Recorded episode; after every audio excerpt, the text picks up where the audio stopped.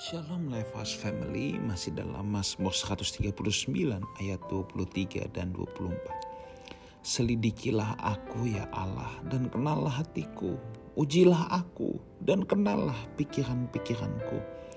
Lihatlah, apakah jalanku serong dan tuntunlah aku di jalan yang kekal. Saudara eh, doa Daud ini doa yang luar biasa. Kenapa? Ini adalah doa yang menguji batin saya ulang lagi, ini adalah doa yang menguji batin. Seringkali banyak orang berdoa hanya menuturkan permintaan-permintaan kepada Allah. Tetapi Daud punya doa yang beda.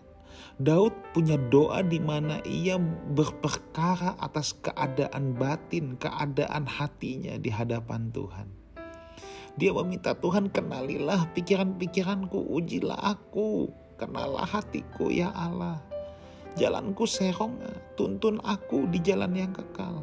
Coba lihat, dia dia dalam tanda petik yang positif menantang Tuhan saudara ya. Untuk meneropong menerobos hidupnya jalan pikirannya pikiran aku ini picik gak sih? Hatiku ini bengkok gak sih? Jalan hidupku ini serong gak sih ada orang yang mau akal-akalan dengan Tuhan, saudara. Wah, kalau orang udah mau akal-akalan dengan Tuhan, nggak mungkin bisa bisa punya doa seperti pemazmur Daud ini. Apa contoh akal-akalan dengan Tuhan? Udah tahu yang mau diperbuat salah, udah tahu yang mau diperbuat tidak sesuai dengan kebenaran firman. Tapi sering kali kita suka belaga pilon, saudara ya. Kalau orang Chinese bilang itu belaga pilon. Seakan-akan minta ACC Tuhan ada lagi yang minta Tuhan kong kali kong Tuhan aku tahu ini memang gak bener tapi kalau Tuhan golin proyek ini Tuhan nanti aku bagi persepuluhannya. Nah ini lagi.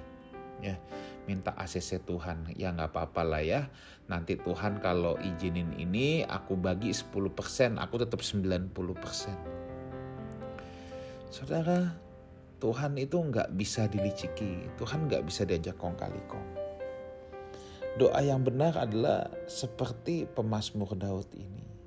Justru kita sekarang belajar berkata, Tuhan kenali hatiku.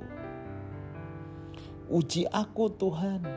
Aku ini lurus gak di hadapan Tuhan? Aku ini tulus gak? Jalan hidupku serong gak? Bengkok gak?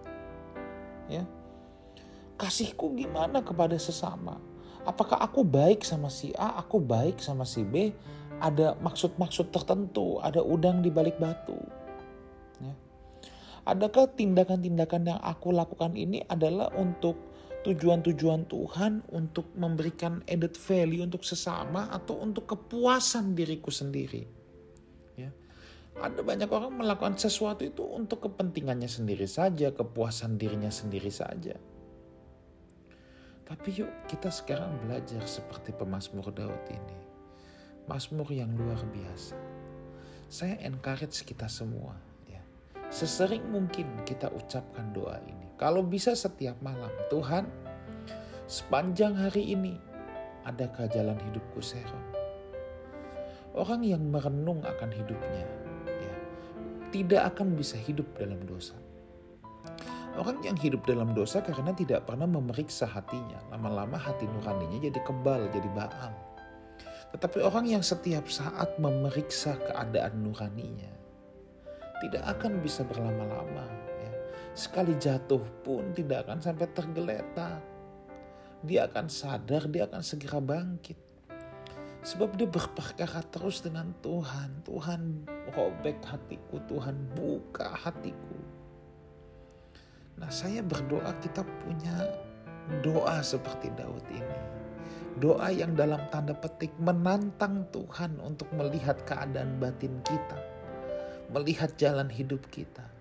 Dan akhirnya seperti pemazmur berkata, tuntunlah aku di jalan yang kekal. Oh ya, kita tidak bisa hidup dalam kebenaran dengan kekuatan kita sendiri. Kita perlu yang namanya tuntunan Tuhan. Kiranya Tuhan Yesus menuntun kita semua. Amin.